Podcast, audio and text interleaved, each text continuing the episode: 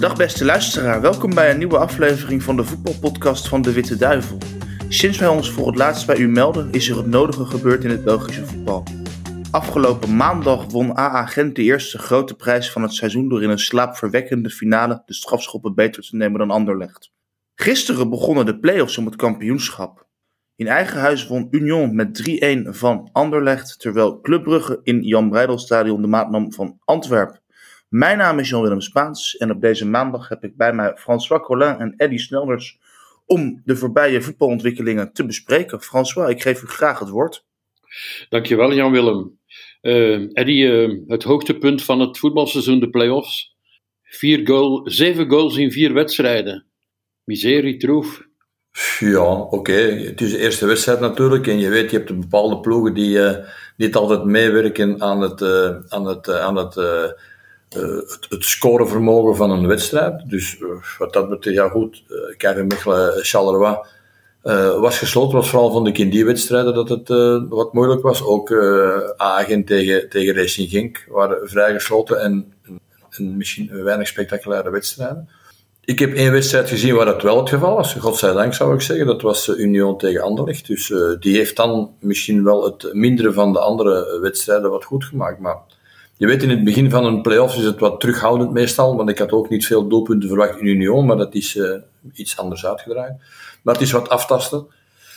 Uh, het is de eerste wedstrijd in een, in een, in een, een uh, speciale competitie. En dan weet je dat de ploegen daar meestal wel eens uh, terughoudend aan, of zonder risico aan durven beginnen. Ja.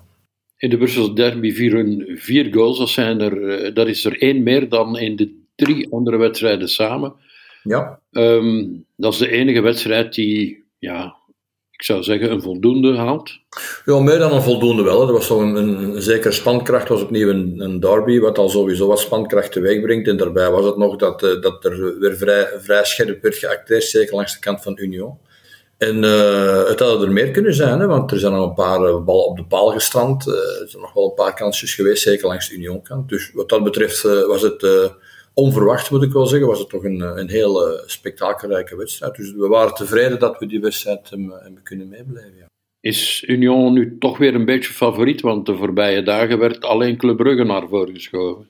Goh, het, is een, het is een moeilijke. Hè? Je natuurlijk, hoe gaat Union aan die play-offs beginnen? Ze hadden toch een, een pak mindere thuiswedstrijden gespeeld in, uh, in, de laatste competitiewedstrijden. Vier keer dat het toch heel moeilijk was thuis tegen gesloten verdedigingen. Nu, Anderlecht heeft natuurlijk wel bijgedragen aan de heropstanding van Union. Wat niet wegneemt dat Union sowieso scherp aan de wedstrijd begon met de bedoeling van inderdaad een doorbraak te forceren, van opnieuw te tonen dat ze er waren. Dat is ook gelukt.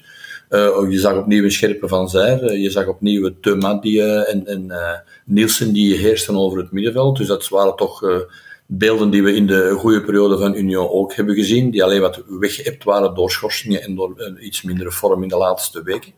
Anderlecht heeft eraan meegeholpen door, eh, door niet geconcentreerd en, en heel flauwe uh, tegenwerking te geven. Dus dat heeft Union zeker parten gespeeld en meegeholpen aan de heropstanding. Maar ik blijf erbij, je moet dat zelf ook wel wat afdwingen. En dat heeft Union gisteren gedaan. Is het nu opnieuw een titelkandidaat? Ja, het is eigenlijk altijd een, een titelkandidaat geweest. We hebben het een beetje teruggeschoven, maar de laatste weken natuurlijk een pak minder waren dan de weken voordien. En dan begin je natuurlijk te twijfelen, dat je zegt van goed, uh, hoe ver gaat die ploeg geraken in een, in een play-off eh, competitie? Toch uh, voor iedereen speciaal is, maar dat zeker voor Union, omdat ze dat de eerste keer meemaken. en ja, deze wedstrijd heeft, heeft wel blijk gegeven van het feit dat ze zeker niet afgeschreven zijn. ik blijf voorlopig Brugge de belangrijkste titelkandidaat noemen omdat zij natuurlijk een heel lange reeks van overwinningen hebben gehad. Die ploeg goed in elkaar zit. Ehm, ja, die ploeg ook veel meer ervaring heeft op het gebied van playoff gebeuren. Maar het neemt niet weg dat de Union zich opnieuw heel scherp heeft, eh, heeft gepresenteerd. Dus dat wil zeggen dat de, de tweestrijd, want dat wordt het nu toch stilletjes aan, die tweestrijd nog wel eventjes kan blijven duren. Ik denk voor volgend weekend bijvoorbeeld dat het voor eventueel Brugge een moeilijker wedstrijd gaat worden dan, dan voor Union. Union op Antwerpen met wat ruimte, denk ik wel dat ze daarvan gebruik kunnen maken. Brugge heeft traditiegetrouw altijd een moeilijke wedstrijd in Anderlecht. Ook tegen een Anderlecht dat de laatste weken duidelijk minder presteert, wil dat niet zeggen dat dat volgende week een makkelijke wedstrijd wordt. Dus ik denk dat die, die tweestrijd nog wel een tijdje open zal blijven. Het is een tweestrijd, gelukkig. een zeker moment hebben we wel gedacht dat de Union niet meer aan die tweestrijd zou kunnen deelnemen. Maar na gisteren blijkt dan toch opnieuw dat zij toch allemaal opnieuw scherp te vertonen. En dat zij zich toch vooral gefocust hebben op, op die laatste wedstrijden. Ja, ja Anderlecht was even hopeloos als in de bekerfinale. Zegt dat iets over de trainercompagnie? Goh, het is natuurlijk de beker moet je een beetje apart. Deze wedstrijd is voor Company denk ik wel uh, ontgoochelend, omdat je toch uh, een revanche wilt na het minder presteren in die bekerfinale. Het was ten eerste, die bekerfinale was een slechte wedstrijd. Ook de spektakelwaarde, ondanks dat we toch met twee offensieve ploegen normaal te maken hebben, die was uh, vrij flauw en eigenlijk ver onder het niveau. En dan trek je nog op het laatste aan het kortste eind. Dat is natuurlijk voor Anderlecht pijnlijk. En zeker voor de ambities van die toch redelijk hoog zijn. Uh, maar daar kan je nog zeggen, oké, dat is één wedstrijd. Uh, dat is winnen of verliezen. En uh, dat kan een momentopname zijn. En die was voor niet goed. maar dan verwacht je wel natuurlijk dat je de week erop, oké, je moet alles opnieuw uitschakelen. Je hebt die beker verloren, dus die ambitie is weg. Maar dan verwacht je wel natuurlijk dat je de week erop wel heel scherp aan de eerste wedstrijd van een play-off begint. Want dat is dan je enige ambitie en die enige doelstelling die je nog hebt.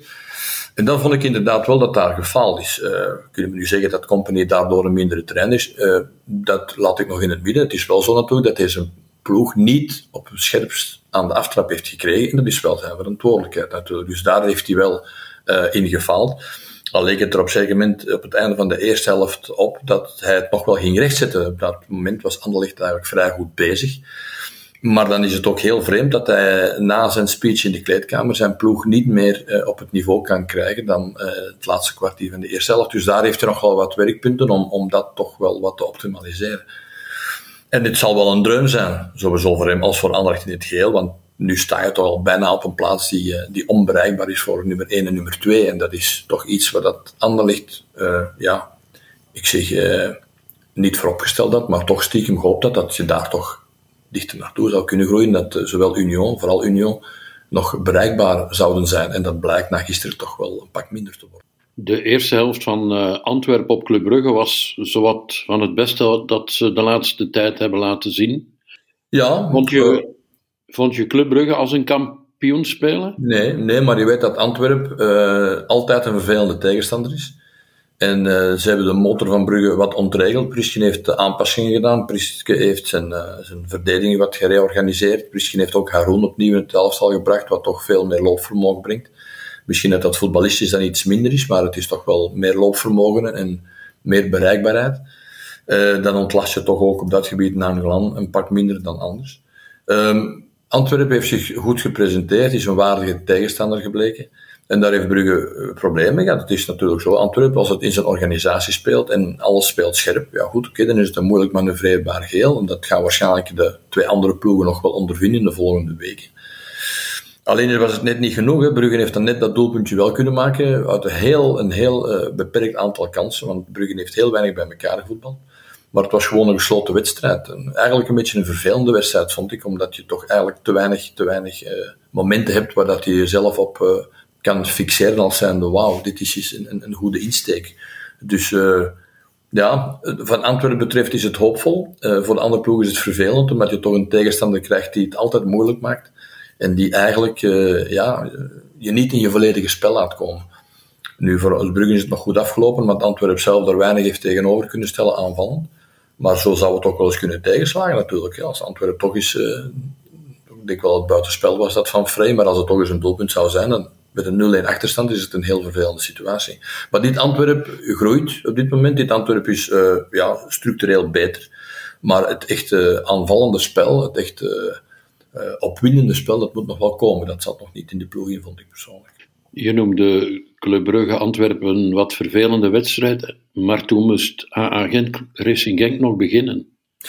Ja, inderdaad. Uh, en de, de affaire hadden daar natuurlijk uh, gelijk. Er was uh, heel beperkt aantal. Ik had het volle bak verwacht, omdat je toch een bekerwinnaar uh, bent en je toch in je eigen stadion speelt. Dat was uh, een pak minder, dus je ziet ook dat de interesse daar uh, enorm afneemt naar die play-offs toe. Dat is spijtig.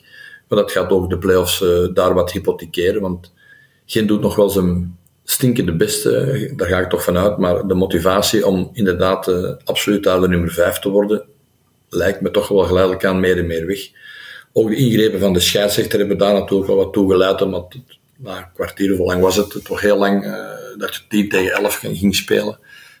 dat zijn zaken ja, die toch die wedstrijd ook al wat ontwrichten. Maar het was ook een, een heel pover kijkstuk. Uh, Genk dat wel wilde, maar niet kon. En ja, Gent dat eigenlijk vooral trachtte van, van zo weinig mogelijk fouten doen, maar niet meer denkend aan, en ook meer, niet meer kon, denk ik, aan het aanvallend voetbal.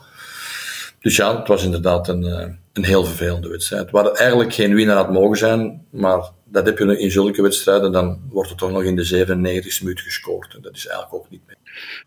Ja, Gent heeft uh, een week geleden nog de beker gewonnen, heeft niks meer te winnen of te verliezen in die play-offs. Dat kan je nog begrijpen, dat die ploeg niet echt op scherp staat dan, maar Racing Genk, dat zijn seizoen nog enigszins kan redden, wat een zwakke wedstrijd. Ja, maar ja, je, je blijft, je blijft uh, roteren. Hè. Het, het, zijn de rotatiekampioenen ook weer opnieuw. Vijf, vijf uh, andere spelers erin. Je, wint dan de laatste wedstrijd op zijn rij en opnieuw gooi je die boel helemaal overop.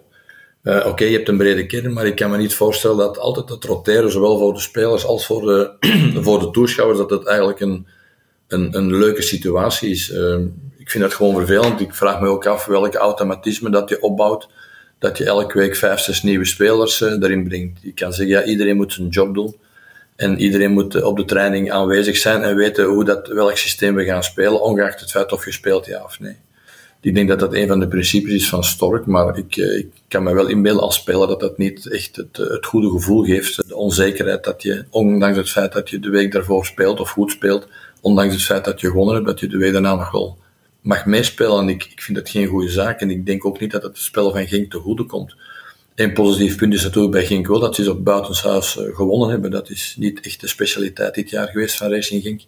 Dus dat is het enige waar dat ze tevreden over kunnen zijn. Maar ik vind de devaluatie van uw topspelers, eh, als je Onuachu bezig ziet, eh, Bongonda bezig ziet, ook Torsvet bezig ziet bijvoorbeeld, ja, die is niet meer vergelijkbaar met nu net een jaar geleden. Dus ik, ik denk dat dat geen, uh, is geen kapitaalsvernietiging, want die heb je spelers natuurlijk nog, maar naar prestaties toe is het toch een, een, een pak minder, is het schrijnend toe dat het dezelfde spelers op een jaar tijd eigenlijk kwalitatief toch een minderwaarde hebben. En dat is iets waar natuurlijk dringend in moet gedaan worden. En Van Azenbroek en de scheidsrechter, is dat nog normaal?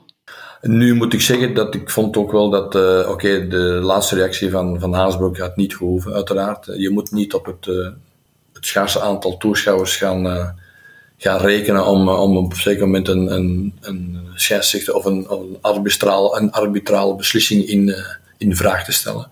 Maar ik vond ook wel heel het geheel daarvoor, vond ik ook wel naar de scheidsrechter toe vond ik ook wel anders opgelost kunnen worden. Ik vond wel dat hij iets te gretig was. Zeker met zijn uh, tweede gele kaart. En ja, dan heb je natuurlijk een hele, een hele rollercoaster die dan eindigt in, in een uitsluiting van zowel een speler als een trainer. Het was er ver over, dat geef ik toe, maar ik vond wel niet alleen dat uh, Adjidja en Van Haasbroek schuld hadden. Ik vond ook dat de scheidsrechter daar niet echt de, beste, de beste beslissing nam. Tot slot, Eddy, het hopeloze Serrain lijkt zich te gaan redden. Ja, dat wil zeggen dat je tegenstander misschien nog iets hopeloos is en dan ons moeten besparen van een nieuwe RWDM in eerste klasse. Zo zie je maar, hè, dat is de opsteek van de competitie, zo weinig mogelijk mensen laten zakken. En dan moet degene die overkomt wel heel sterk zijn en dat lukt nu niet. Dus uh, ja, dus je hebt geen keuze. Je hebt RWDM, dat blijkt nu ook de laatste weken nog een pak minder te zijn dan Serijn. Dus ja, oké, dan moeten we ons tevreden stellen met Serijn. Maar uh, doen we ons een plezier met de een en de, of de ander? Ik, ik denk het niet. Maar goed, uh, we moeten ons houden aan de regels die er zijn. Oké, okay, okay, Eddie, dankjewel. De volgende speeldag kan alleen beter zijn. Wat Union betreft niet, maar voor de rest wel, zou ik zeggen. Met deze optimistische noot sluiten wij deze aflevering af. Ik dank u voor het luisteren en hoop u bij de volgende aflevering opnieuw te mogen begroeten. Tot ziens.